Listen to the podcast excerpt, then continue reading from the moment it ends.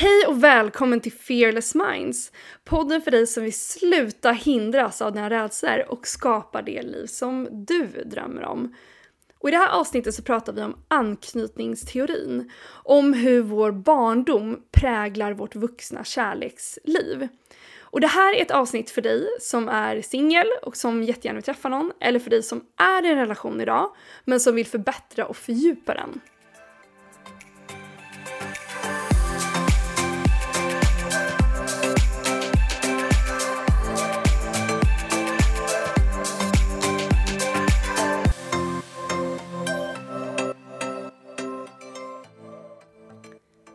Och nu är det dags för Vad tänker du, Christer?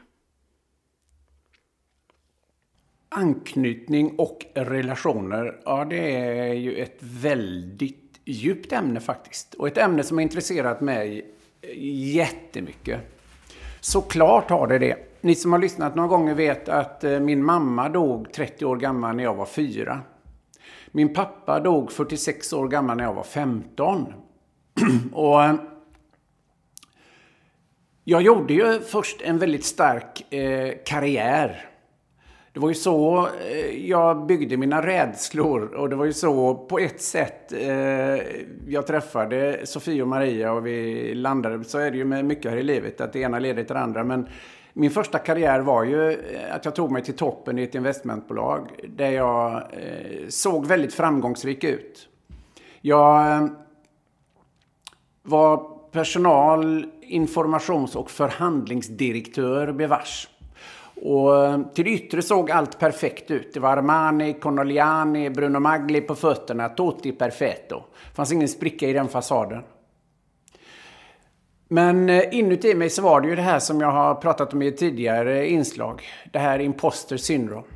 Bluffsyndromet. Jag är inte så duktig som de tror. Tänk om de kommer på mig. Och för att de inte skulle komma på mig så läste jag ju fem poäng där, tio poäng där, tio poäng där. Och till slut var det ju min dåvarande mentor som sa till mig, Christer, sa han, det här behöver inte löjligt. Det du behöver, det är ingen mer utbildning. Det du behöver är att träffa en psykolog. Och så gjorde jag ju det. Och det var då jag fick lära mig det här med anknytning. Eh, för hon gjorde ju som psykologer på den tiden gjorde. Berätta om din barndom, regressionsanalys.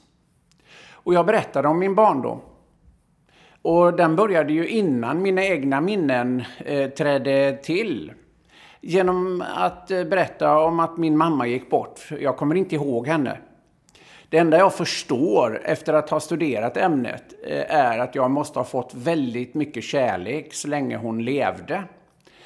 Eh, men när jag var fyra så gick ju min mamma ut genom dörren i min upplevelsevärld och kom aldrig tillbaka. Och det har ju stört min anknytning på ett plan och min tillit till andra människor. Men, och det här blev väldigt, väldigt intressant för mig när jag liksom började förstå min bakgrund och uppväxt. För eh, jag tänker berätta en liten historia som förklarar en hel del eh, av vad som hände mig. Och den, kom, den medvetandegjordes jag av att eh, jag skulle medverka i TV i ett eh, program som hette Go'kväll, eller heter. Och eh, jag var castad utifrån att eh, jag var uppväxt med en tuff och svår uppväxt. Mamma dog när han var fyra, pappa dog när han var 16 och dyslektiker och liksom det här eh, revanschdramat. Eh, David och Goliat, liksom, trots väldigt dåliga förutsättningar så lyckades han. Och jag åkte till studion, eh, vi skulle träffas eh, runt lunch någonstans och så under eftermiddagen skulle vi prata oss samman, jag och, och journalisten för kvällen och så här. Eh, inför, för det var ju direktsändning och det var en ganska lång intervju som skulle göras. Och han började intervjua mig om min bakgrund. Eh, jag berättade liksom, eh, mamma dog och det här. Och, men samtidigt berättade jag, för han frågade då, hur upplever du din barndom? Väldigt, väldigt lycklig. Jaha. Ja, jag har haft en fantastisk barndom. Eh, min mamma dog. och Det är klart att jag begriper att det inte var bra. Men samtidigt hade jag så många andra mammor. För jag är uppväxt i en miljö, en ö som heter Öckerö. Och eh, ibland säger man att den typen av småsamhällen är jobbiga för att folk lägger sig i och det är mycket skvaller. Men eh, jag fick uppleva den andra sidan av det lilla samhällets liksom kärlek. För när min mamma dog så var det väldigt många som brydde sig om mig. Grannfrun hade alltid barkis och prickekorv hemma ifall Christer kom. Och så vidare och så vidare. Eh, jättemånga människor i min miljö brydde sig, eh, ville mig väl. Och det är det jag tror jag bottnar i idag när jag föreläser. För jag lärde mig någonstans grundligt att väldigt många människor ville mig väl och det ledde till liksom ett, ett paradigm i min hjärna. Liksom, nej, men människor vill dig väl. Och det gör ju att jag vågar liksom stage-diva med mina föreläsningar där jag varken har manus eller, eller powerpoints eller något annat. Utan jag associativt vågar med, kasta mig ut och möta min publik. För jag är trygg att de vill mig väl. Det är jag programmerad till. Så att jag tror att, att fundera och reflektera över sin uppväxt eh, och sina anknytningserfarenheter tror jag kan vara jätteviktigt. För det enda sättet att få en riktigt stark relation till en annan människa, det pratar jag ju ganska ofta om. Eh, oavsett om den är yrkesmässig eller inte, så är det ju faktiskt att våga vara sårbar. För när en människa visar sig sårbar, då är vår evolutionära naturliga reaktion på en annan människa att hjälpa en människa som behöver hjälp. Det är det vi har sett nu i coronakrisen, där väldigt många människor gick från ensamhet till att få känna sig sedda, bekräftade och behövda och kände att det var starka krafter i oss. För det djupa evolutionära i en människa, det är att hjälpa andra människor som behöver hjälp. Men för att kunna hjälpa en annan människa som behöver hjälp så måste ju den andra människan våga vara sårbar och visa att hen behöver hjälp. Det är ju där tvåsamheten uppstår. Det är ju där tre eller fyra eller femsamheten uppstår. Det är där gruppen uppstår. Att vi vågar utgå från att vi, jag kan ett antal saker, du kan andra saker. Eh, tillsammans så blir vi bättre än enskilt. Så för mig är det här liksom anknytning väldigt mycket kopplat till tryggheten och sårbarheten. Så min rekommendation är jättevarmt. Resonera, reflektera, fundera på hur ska du kunna gå som vi då pratar om, eh, från ett fear-based mindset till ett fearless mindset och våga vara sårbar och därigenom öppna möjligheten för andra människor att anknyta till dig. Och till dig att anknyta till andra som vågar visa sig sårbara i din närhet. Det är faktiskt min enkla reflektion kring det här med, med, med eh, anknytning och sårbarhet.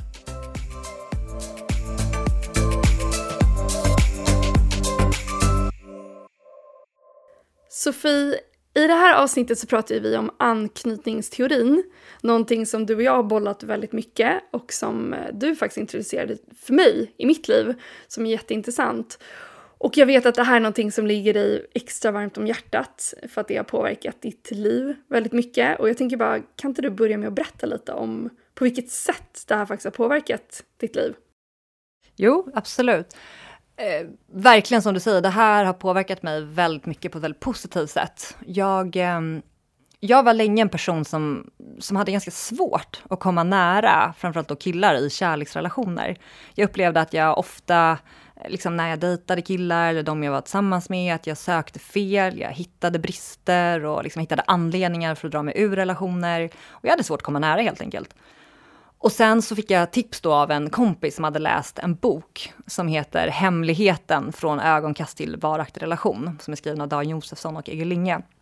Och den här boken, hon hade faktiskt fått en rekommenderad av en terapeut som hade sagt så här, du jag ska vara helt ärlig, det finns en jävla massa skitlitteratur om kärleksrelationer där ute. Men den här boken då, Hemligheten, är riktigt bra, läs den. Och hon var helt blown away av den här och tipsade mig. Och jag kommer att jag gick hem, alltså jag köpte den här boken, gick hem och sträck läste den. Och det var verkligen som att så här, någon bara ryckte undan, liksom, vad säger man, mattan under fötterna på mig. För att den, den fick mig verkligen att så här, inse saker om mig själv och förstå mig själv på ett helt nytt sätt.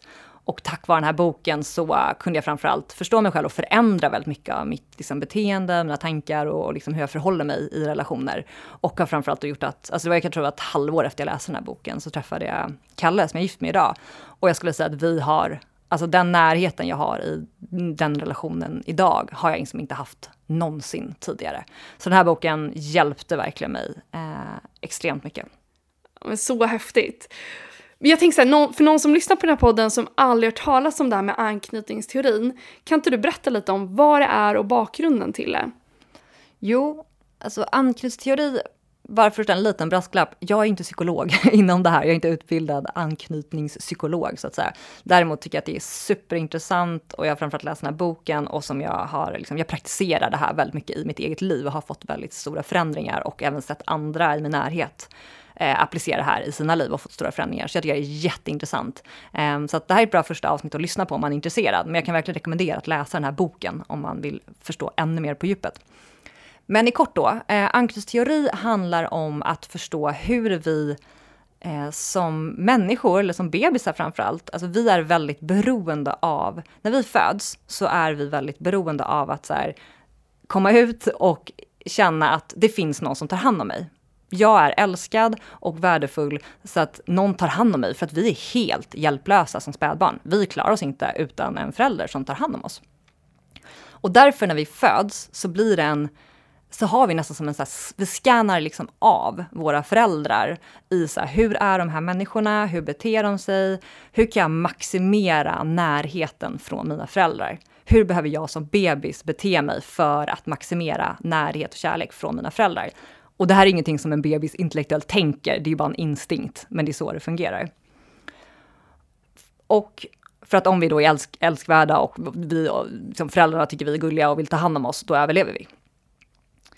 Och det man såg då var att efter andra världskriget så gjorde man, eller det man såg efter andra världskriget var att det var många barn, små barn som dog. Och man kunde inte riktigt förstå varför, för de hade allt det som man trodde var nödvändigt för bebisar. De hade en säng att sova i och det, fanns, det var liksom varmt och skönt och de fick mat och de sov. Det här, förlåt, det här, var, det här var barn på barnhem, eller hur? Ja, precis. Sa ja. det? Nej, Nähä, ja. jag hoppade in. ja, eh, är precis. Det här var barn på barnhem efter andra världskriget då. Och de barnen, det var många barn som dog trots att de hade vad man då trodde sina behov tillgodosedda. Men så var det ett, och då började man liksom göra studier på det här och undersöka liksom, vad är det som händer, varför dör de? Och då började man titta på olika barnhem och så var det framförallt ett barnhem som stack ut väldigt mycket. Där överlevde väldigt många barn. Och det man då såg var att på det här barnhemmet så fanns det en skillnad. För det var så att på de här barnhemmen så låg bebisarna i små sängar i rad i stora salar och så satt det någon liksom barnskötare vid ändarna, liksom längst ut av alla sängar. Och på ett av de här barnhemmen så var det en då nattsköterska som varje natt tog upp ett barn i taget. Så en natt tog hon upp ett barn, ett annat natt en annan och så vidare och så vidare. Så att alla blev uppburna en natt i taget och hon gick runt och bar på de här bebisarna, hon hade dem hud mot hud och hon eh, liksom gullade med dem och hade ögonkontakt med dem och mycket närhet och kärlek. Och det var här barnen överlevde i mycket större grad. Så då började man förstå att det här med liksom mänsklig kontakt och närhet är så viktigt för oss. Till och med så viktigt att vi dör utan den. Och sen har det ju forskats hur mycket som helst inom det här området, liksom inom anknytningsteori och på hur vi liksom som bebisar skapar vår anknytning som man kallar det och liksom hur vi beter oss och sen också då hur vår anknytning och våra beteenden, eh, alltså hur de återspeglas eller präglar oss i vuxen ålder i våra ofta då kärleksrelationer. Mm. Och det betyder ju då egentligen att så här, det här med vårt behov av kärlek och närhet är lika starkt som liksom, mat och vatten mm. när vi är små. Att det är sånt stort mänskligt behov som vi har. Verkligen, och det var det här som resonerade så starkt med mig när jag läste den här boken första gången. För jag tror han uttryckte det i den här boken på ett sätt som att alltså det är skillnad på kortsiktig smärta och långsiktigt lidande. Att vara utan närhet och kärlek i sitt liv är att lida. Och det resonerade med mig, för det var verkligen så jag kände, det är ju väldigt, det gör ju ont. Alltså man känner ju att det saknas, alltså man behöver ju kärlek och närhet, det är ju så fundamentalt. Och att det är verkligen, det var det som fick mig att skapa liksom någon form av inspiration eller motivation att verkligen jobba med det här. För jag var så här, men jag vill inte lida resten av mitt liv. Jag vill ju vara nära. Alltså det är som någon bara, men vill du inte äta för resten av livet? Man bara, nej tack. Alltså på samma sak, det är jättejobbigt. Alltså så här, samma sak, det är så här, jag vill ha kärlek och närhet i mitt liv. Jag vill inte lida resten av livet. Och jag kände att jag led väldigt mycket fram tills att jag förstod det här och började jobba med det.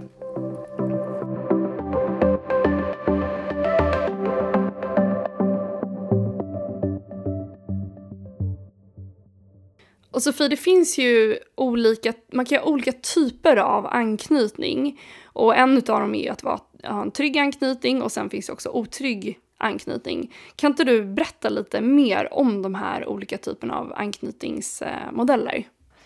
Jo, alltså det finns som sagt var otrygg eller trygg. Och jag tycker det finns ett experiment som, som förklarar lite mer eh, om, om de här eh, modellerna, eller anknytningarna som jag tänkte berätta om.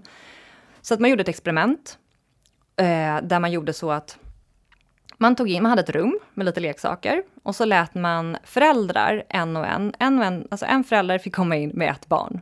Och så kom föräldern in och så var det det här rummet, barnet fick börja liksom leka med lite leksaker.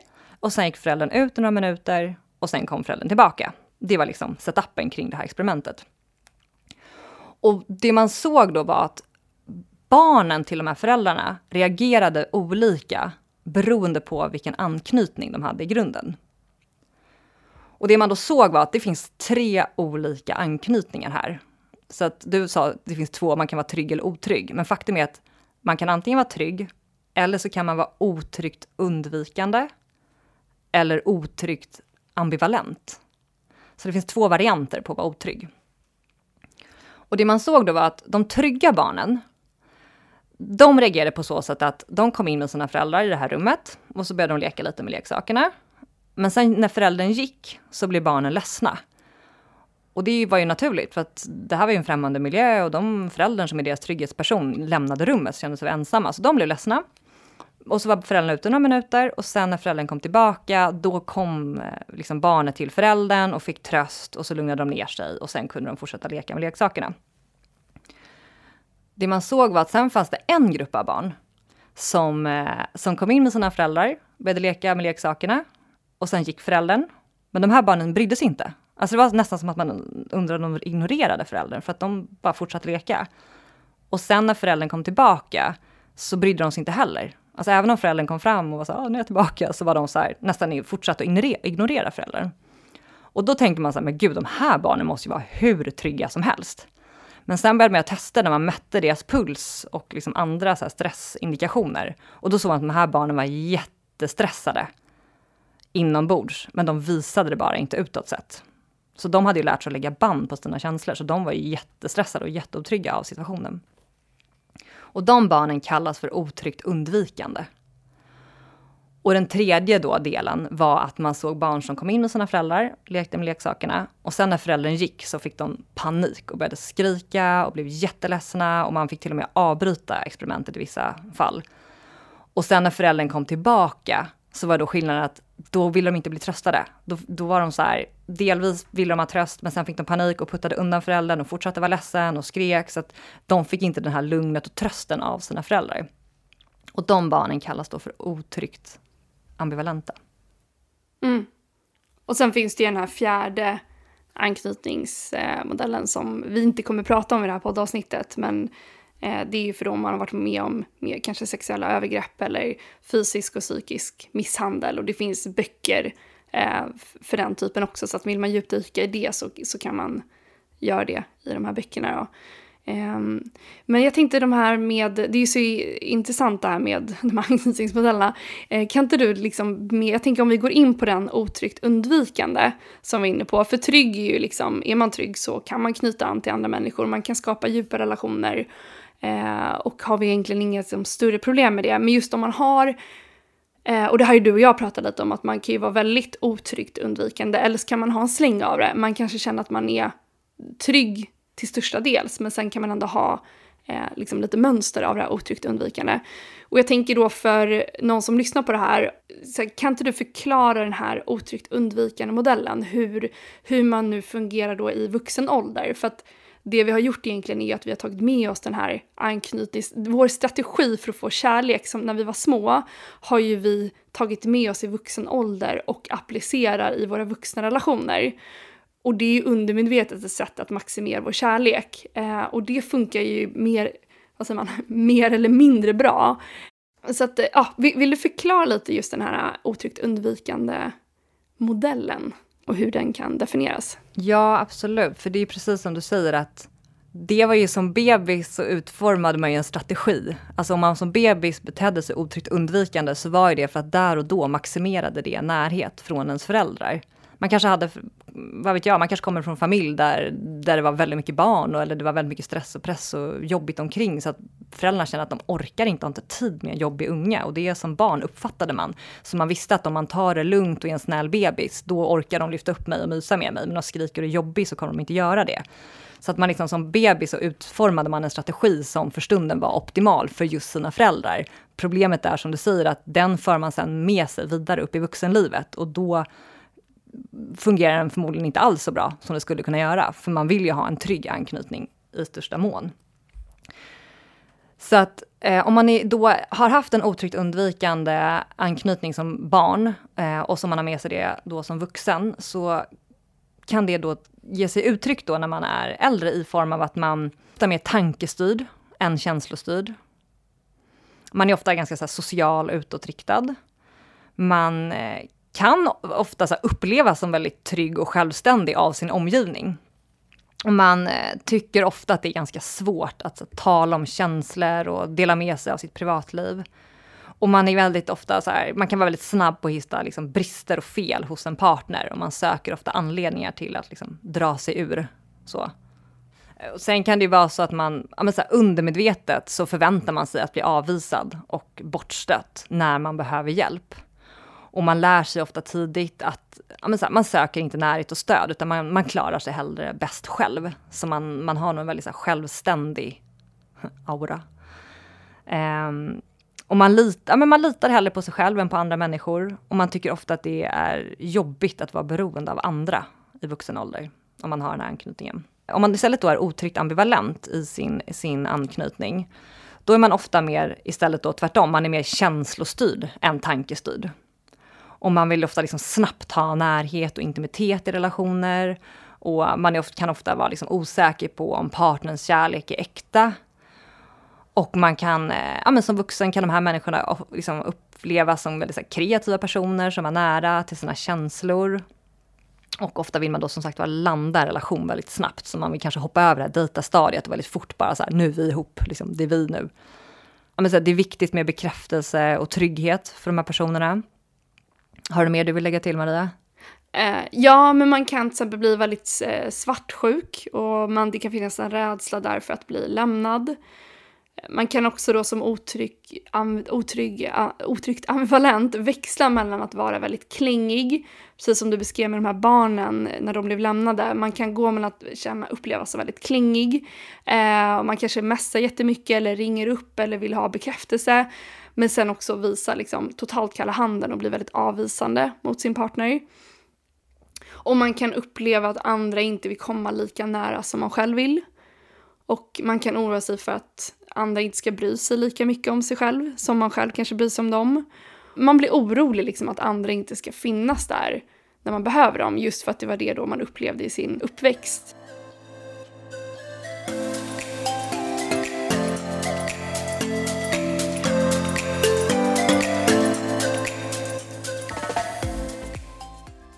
När jag läste den här boken om då att vara otryggt undvikande så var det, det var verkligen som en så här, det var en sån aha-upplevelse och sån insikt för mig att jag hade ju liksom till den grad, alltså för det, grunden i det här är ju att man har ju kopplat ihop det med att det är smärtsamt att visa känslor, det är smärtsamt att visa sina behov för att man har som barn inte alltid fått de behoven bemötta och sedda. Vilket i mitt fall då, jag som har en släng av otryggt undvikande, man har liksom lärt sig att så här, men det, det gör ont att visa sig sårbar, det gör ont att visa vad man har för behov och därför har man istället då valt att så här, nej men då lägger jag hellre band på mig, då, då är det bättre att vara då eh, självständig någonstans. Eh, och liksom hellre då, som, som vi var inne på, att lite, liksom, lita på mig själv än att lita på andra. För att jag är inte säker på att någon annan kommer finnas där om jag visar att jag behöver någon. Och det har ju då gjort att alltså, i vuxen ålder, som jag upplevde, hade jag då byggt en strategi av att så här, vara väldigt självständig. Jag behöver inte andra, att vara oberoende, att vara så här, självständig, stark mentaliteten.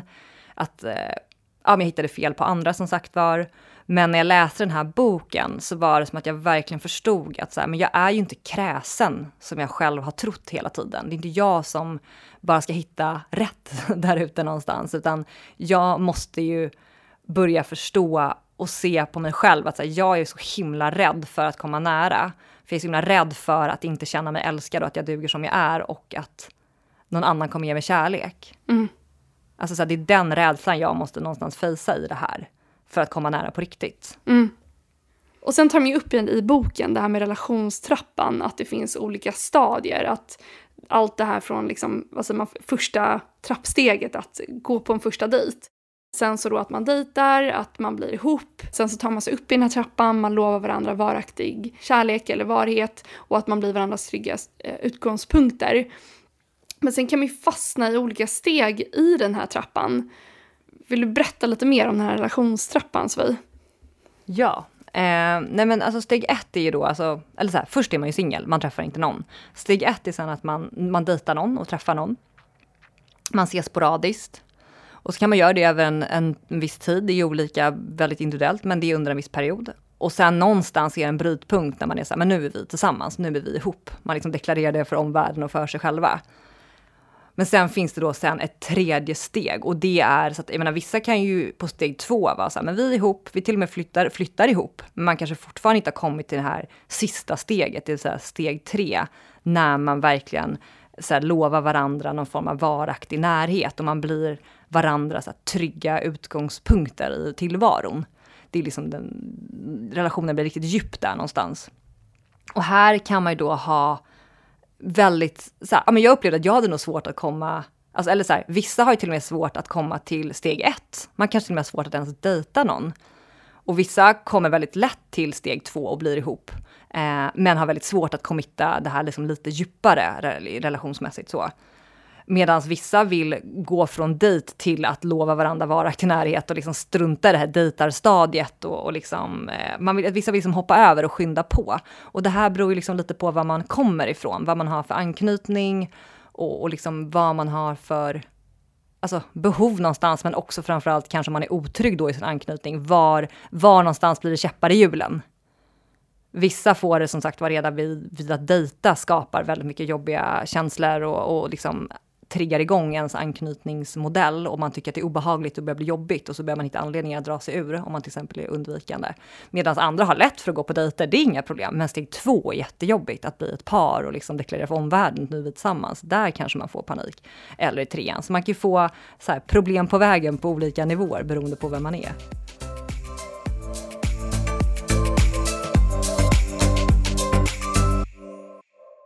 Om man sitter och lyssnar på det här och vill, liksom man känner igen sig i en relationsmodell eller kanske lite i både och och att man känner att man vill liksom börja bryta de här mönstren för att få till en trygg anknytning.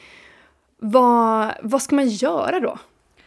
Ja, men dels ska jag verkligen så här, återigen rekommendera att läsa den här boken, Hemligheten, för att den ger väldigt praktiska verktyg.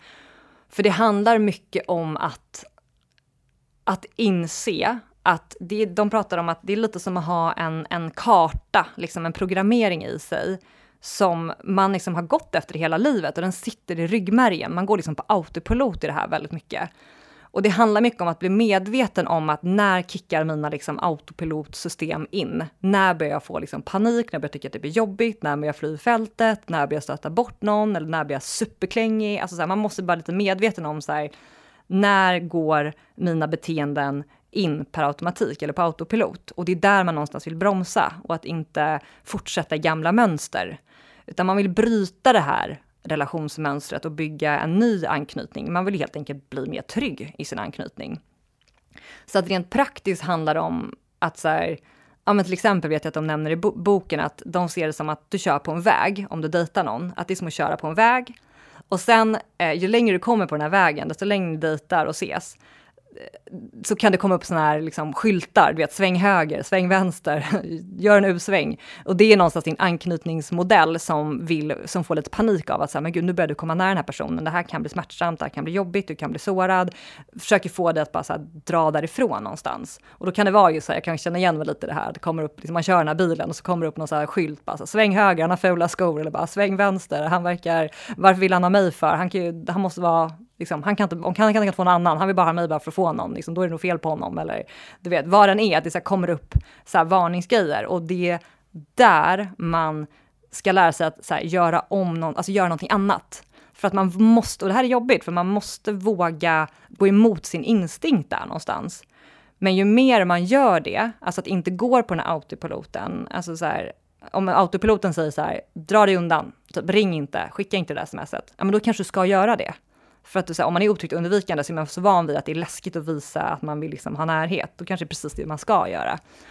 Och versus då bara för att inflika, är man otryggt ambivalent så kanske man får en så här, skicka det smset, hör av dig. Och där kanske det man inte ska göra då är faktiskt, man kanske inte ska höra av sig. För att som otryggt ambivalent kan det vara istället att man kanske ringer jättemånga gånger, man söker bekräftelse och då närmande och en starkare kärlek. Att man ska byta dem, men att det kan se väldigt olika ut beroende på är man då otryggt undvikande kan det vara så här, skicka inte det, eller förlåt, skicka det smset, medan otryggt ambivalent kan vara så här, skicka inte det smset. Exakt. Men jag bara ta ett praktiskt exempel från mitt eget liv jag har ju då haft en släng av otryggt undvikande. Så jag har haft väldigt mycket av de här liksom varningsflaggorna, att så fort man, eh, ja, man har börjat komma nära så har jag velat sticka därifrån, liksom börja dejta någon annan eller du vet styra av, eh, säga något otrevligt som man tar avstånd eller vad det än är. Eh, men då vet jag att när jag träffade, när jag träffade Kalle som jag är gift med idag, så vi har liksom dejtat ett tag. Och sen så hade vi, vet, vi hade varit på någon fest eller någonting och eh, vi kom hem och det hade uppstått en situation som hade gjort mig lite svartsjuk. Och vi kommer hem och han märker att det är någonting. Alltså han ställer ju frågan till mig, så han bara, men älskling vad är det? Det är ju någonting, vad är det? Och jag sa, nej men det är ingenting. Han bara, men det är ju någonting, vad är det? Jag bara, nej, det är ingenting. Jag bara, fråga 52 gånger till tack. Där har man ju varit ganska gånger. Ja, verkligen. Men då var det verkligen så här, kommer så väl ihåg. Liksom, vi ligger i sängen och han bara, men gud det är ju någonting. Och jag var så här, fan vad min, alltså min autopilot, min instinkt är att jag bara vill, vet, jag vill vända ryggen till, jag vill till och med vara så här, du vet, iskall och bara var så här, du, jag tror till och med att jag ska sova på soffan idag. Jag är bara jävligt irriterad. Jag bara, du, du är så jävla dum i huvudet, du har betett dig. Alltså jag ville bara så här, ösa skit på honom, ta avstånd, vara kall, visa att jag är självständig, jag behöver inte dig, det är fel på dig. Det var min liksom autopilotsreaktion. Men i och med att jag hade läst boken hade jag ett förstått det här om mig själv. Alltså jag visste ju där och då att så här, det är ju inte fel på honom, det är ju någonting hos mig här. Jag är otrygg. Jag är bara så jävla rädd för att han inte ska liksom gilla mig eller att jag ska duga det här. Så att jag hade ju förstått att så här, nu är det jag som ska göra någonting annorlunda. Jag ska inte gå och lägga mig på soffan, jag ska inte vända ryggen till, jag ska inte vara otrevlig. Det är inte lösningen, jag kommer definitivt inte närmare av det. Um, så att alltså jag ligger i den här sängen och så min kropp skriker, liksom fly fältet. Nu börjar det bli jävligt jobbigt här. Men alltså, jag lyckas ändå så här, behålla lugnet. Så jag, kom, alltså jag kommer ihåg det som igår, jag tar alltså upp händerna som skygglappar för liksom ögonen. För att jag klarar inte ens av att titta på honom när jag ska säga det jag ska säga. Men jag tar upp händerna som skygglappar.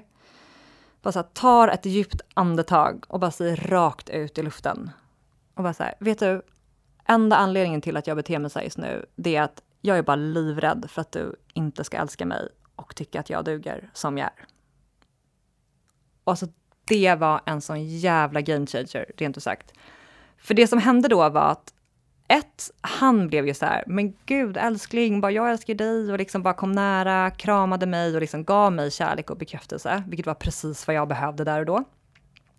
Han visade också mig att genom att jag vågade trotsa min instinktiva liksom, reaktion, det jag ville göra och fly fältet och gå därifrån och vara otrevlig, genom att trotsa den och våga blotta mig och visa mig sårbar, och att han då visade att så här, men då fick jag kärlek, då fick jag närhet. Så började jag liksom lära om min kropp och min hjärna att så här, man kan göra annorlunda. Man kan visa sina behov. Man kan visa att jag behöver kärlek och närhet av dig just nu. Det tjänar mig liksom. Eh, så att man, det blir en omlärning av beteenden och ju mer Alltså den här gången var så jobbig för mig, för det var liksom, alltså jag hade nästan tunghäfta innan jag fick ur de här orden, för det var så jobbigt och motigt. Men sen liksom över tid, ju mer jag har övat upp det här, så är det mycket lättare nu. Det kommer mycket mer naturligt att direkt gå till mig själv och vad är, min, liksom, vad är mitt behov, vad är min svaghet i det här, vad, liksom, vad behöver jag nu? Än att det här, du vet, peka finger, det är fel på dig och ta distans och liksom skapa separation. Så har ju liksom vårt, vårt sätt att prata med varandra och förhålla oss till varandra i, att så största, liksom, i största mån som det går och så mycket som möjligt, ha den här mycket mer uppriktiga, ärliga och sårbara dialogen eh, varandra sinsemellan. För det öppnade upp för honom också. Han blev ju så här, men gud, om, man lägger lite ribban någonstans i det där också. Men om jag vågar kommunicera, då bjuder man också in till att den andra vågar kommunicera mycket ärligare, uppriktigare och mer sårbart när den är liksom, i en situation någon annan gång. Ja, verkligen. Jag kunde ju se i efterhand och dels kunde jag se när jag läste den här boken, för jag var i en relation i flera år och jag trodde att vi var nära i den relationen. Alltså hade du frågat mig där och då hade jag bara, ja men vi är nära. Alltså så här, vadå? Men nu när jag, läst, liksom, när jag sen hade läst boken, om jag jämför med närheten jag har i min relation idag, så är det en helt annan nivå. För att i mina gamla relationer vågade jag inte alls släppa in och komma nära på det sättet som jag har gjort efter att ha läst den här boken och jobbat med min egen anknytning och mina egna mönster. Så det är verkligen, man kan verkligen alltid på något sätt tror jag, ta relationer till nästa nivå om man är intresserad av det.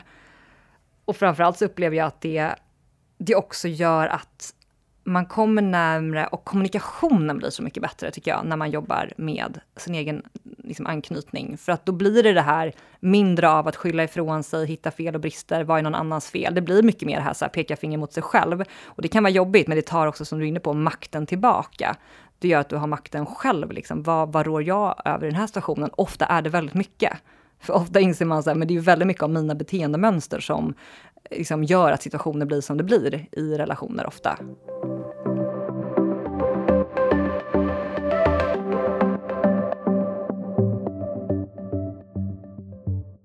Och veckans övning är till dig som vill, tycker att det här är intressant och vill ta det vidare.